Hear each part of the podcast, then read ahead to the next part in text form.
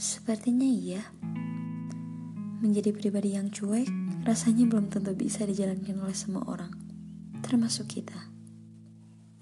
Kita tahu overthinking itu memang tidak baik. Itu bisa bikin kita stres dan mood naik drastis ke arah yang negatif. Dan ini bisa banget bikin kebahagiaan kita jadi hal yang susah dirasain. Because, ya, kita terlalu cemas dan selalu khawatir akan apa yang terjadi nanti. Tapi, kenapa jadi orang yang cuek itu susah banget? Berusaha bodoh amat dan pura-pura bahagia. Ini menjadi rintangan yang penuh perjuangan. Lagi-lagi, keadaan harus melatih perasaan menjadi lebih kuat. Kita dilatih harus selalu positif meskipun orang membicarakan hal yang membuat hati sakit.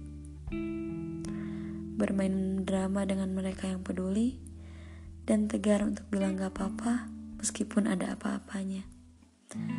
Tegas untuk bilang baik-baik saja padahal lagi kenapa-napa. Ini dilakukan hanya untuk membuat yang tersayang tenang. Biar kita saja yang ngerasain sakitnya. Untuk kamu yang ngerasain ini, semangat ya. Ini terdengar klise, tapi aku tahu kamu butuh itu.